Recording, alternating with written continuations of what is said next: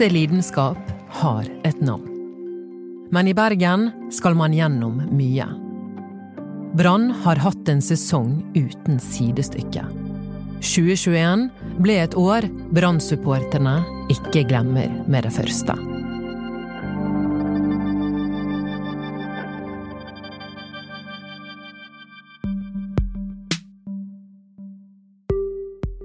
Jeg heter Erlend Vågane. Jeg er leder for Brannbataljonen Bergen.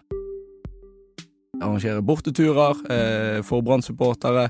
Jobber med å lage tifoer, og det er da type flagg og eh, visuelle arrangementer rundt brannkampene. Og så generelt å prøve å, å, å, skape best mulig atmosfære og rammer rundt Brann sine, sine kamper. Erlend Vågane leder Brannbataljonen. Branns offisielle supporterklubb. Jeg møter han mandag, det er dagen derpå. Dagen før spilte nemlig Brann en av sine mest avgjørende kamper. Og de har det vært mange av, både av og på banen det siste året. Om vi tar det fra starten, hvor begynte det skandaleåret for deg?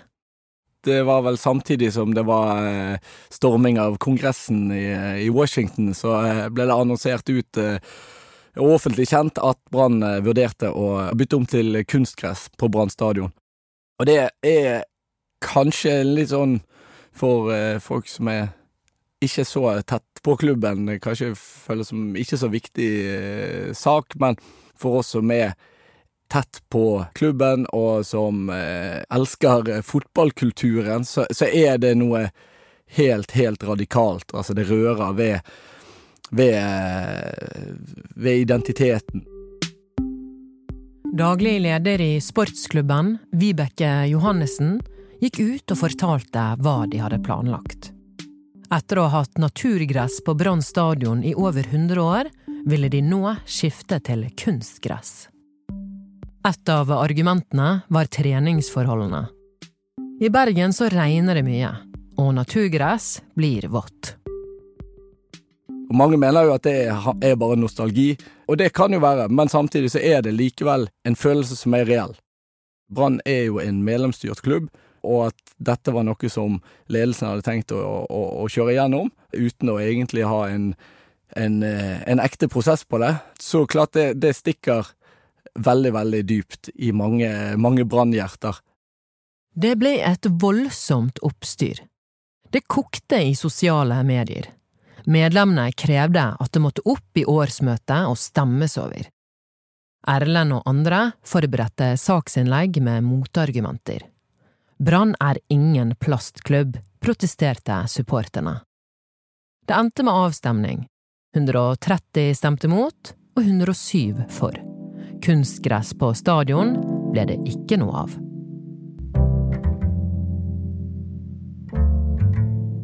Etter årsmøtet var det oppladning til ny sesong. Men treningskampene gikk dårlig, og stemningen var laber. Og så skjer det noe midt i oppkjøringen. Sportssjefen gjennom syv år, Rune Soltvedt, er ferdig i klubben. Grunnen var et uutnyttet potensial i avdeling sport, ifølge Vibeke Johannessen. Forventningene vil jeg jo si var, var lave til, til, sesongen. Og vi visste før sesongstart at eh, vi skulle ut i eh, kanskje fem av årets tøffeste kamper allerede fem første kampene. Frykten for å komme inn i en dårlig spiral var ganske stor. Og det slo jo inn på alle bauger og kanter. Vi tapte alle de fem første kampene. Når fotballag taper, må ofte en trener gå. Kåre Ingebrigtsen ble erstattet av assistenten Eirik Horneland. Laget lå på bunnen av tabellen, og hadde ikke råd til å gjøre flere feil. Da skal vi høre at politiet starter etterforskning etter brannspillerne sin fest. Ja, og Det er på eget initiativ at politiet har startet etterforskningen etter nachspielet på Brann stadion denne uka. En person er mistenkt for et mulig seksuelt overgrep mot en av kvinnene som deltok på festen. Et mulig sexovergrep.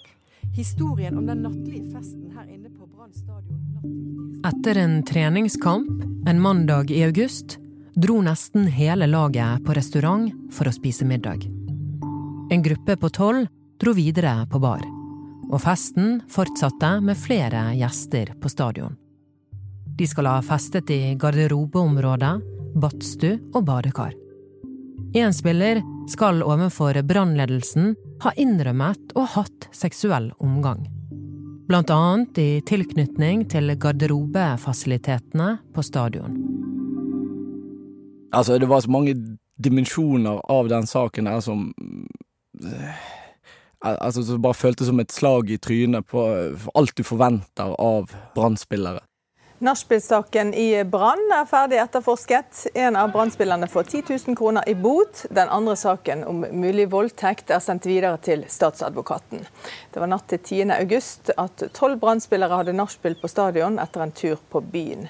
Og Med på festen var også sju kvinner, og i etterkant startet politiet etterforskning av to ulike straffbare forhold. I tiden etter forsvant det én og én brannspiller fra laget.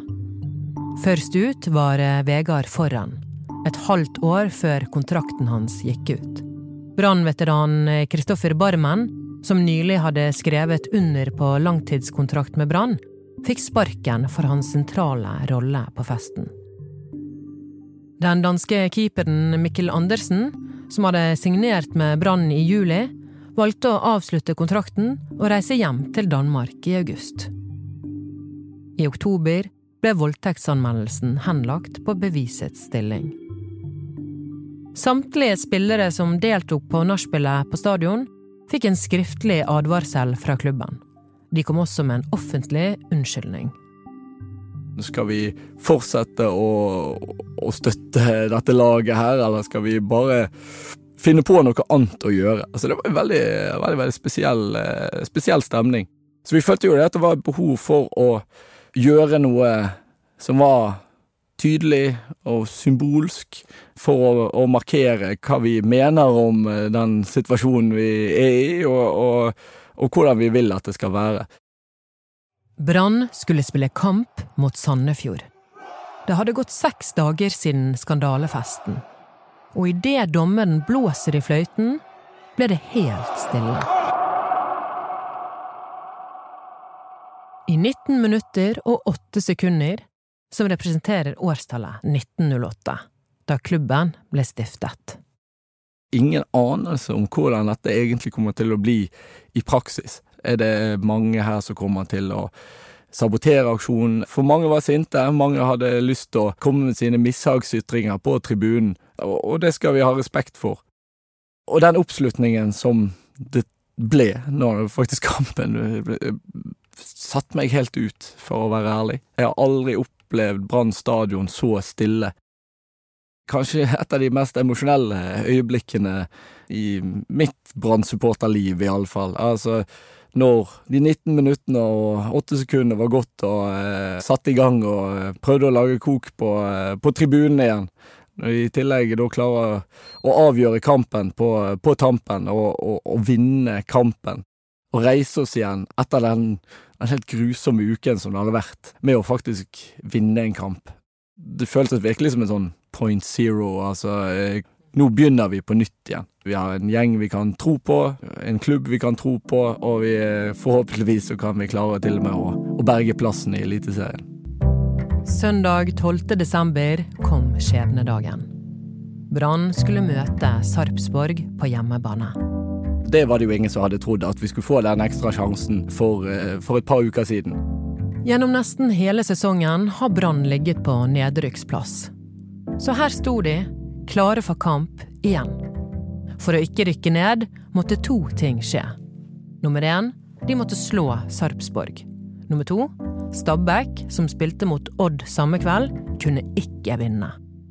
Sannsynligheten for det var det få som hadde troen på.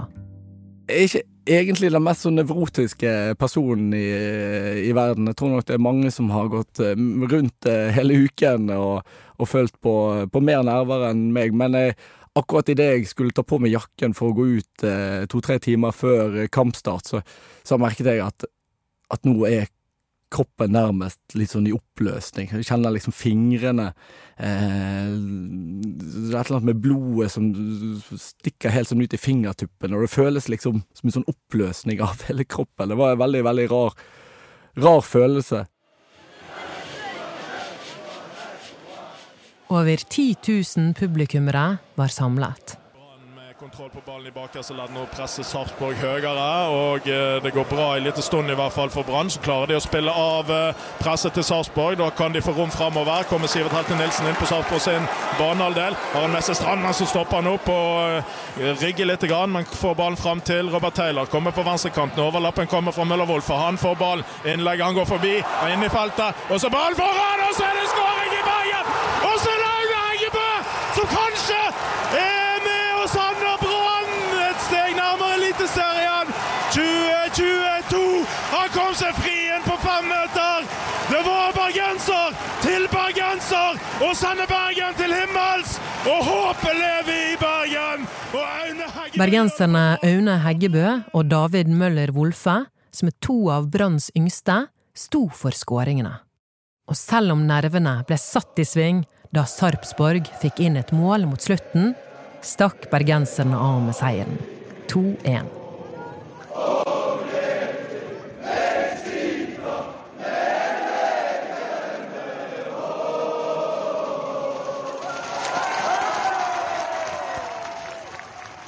Men dramaet var ikke helt over. Hva er alternativene for Brann nå? Eh, alternativene er jo ganske enkle. Eh, enten så vinner vi kampen mot, eh, mot Jerv i Oslo på, eh, på, onsdag. Og da spiller vi Eliteserien neste sesong. Eller så taper vi, eh, og da spiller vi i Obos-ligaen. Gruer du deg, eller gleder du deg? Jeg må vel si at jeg gleder meg mest, faktisk. Eh, selv om det er ubeskrivelig nervepirrende. Og selvfølgelig, hvis vi, hvis vi, rykker ned, så er jo det veldig, veldig eh, trist. Samtidig så er oppsiden så stor hvis vi skulle klare det. Eh, så min følelse akkurat nå er jo at, at oppsiden er større enn nedsiden, faktisk. Hvis vi klarer å vinne på onsdag, altså de, de scenene kommer nok til å bli, eh, hvis vi får oppleve det, eh, et av de store, store legendariske høydepunktene i eh, i, i Branns historie. Og minneverdig ble det virkelig. Reporter Anne Skifjell, dette var en ganske ellevill kamp? Ja da, eh, det var en kamp som hadde det man kan si alt. Tross enorme brannsjanser med to straffebom, er det Jerv som leder til pause. Men like etter utligner Brann. Selv om Brann er laget som dominerer kampen totalt, blir det ikke flere mål i ordinær tid. Først i ekstraomgangene kommer målene. Jerv skårer 2-1 på straffespark. Da de går opp til 3-1, virker alt håp ute. Men med seks minutter igjen av kampen klarer Brann det utrolige. De skårer to mål, og stillingen er 3-3. Brann-supporterne rekker ikke å lande engang før Jerv tar ledelsen på nytt. Idet dommeren ser på klokken, skjer det likevel enda et mirakel i tåkehavet. Etter kaos i Jerv sin femmeter klarer Sivert Heltnes Nilsen å krangle ballen over streken og skårer 4-4. Da er det klart for straffekonkurranse. Og resten er historie. Brann rykker ned. igjen, Kjell! Kom an! Helvete! Stakkars alle oss med hjertet i brann. I går ble vi knust fire ganger. Brann klarte mirakuløst å gjenopplive både oss og seg sjølve tre ganger. Men når det åttende straffesparket går i mål bak Lennart Grill, er alt over. Et absurd teater i Oslo ender i tragedie. Det er nesten sånn man ikke tror egentlig på hva som har skjedd. Dette er jo det verste som kan skje en fotballspiller, eh, så, så det er beinhardt. Eh, vondt.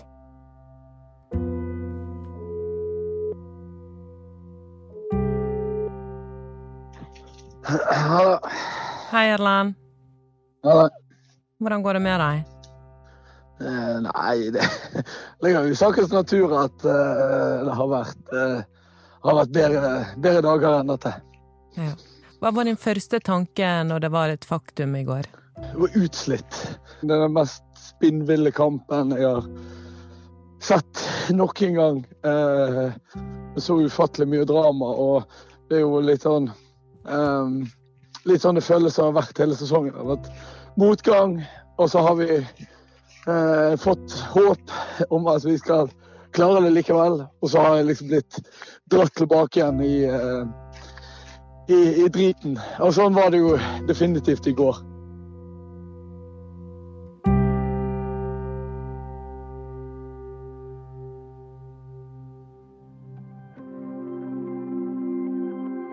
Du har hørt en podkast fra Bergenstidene.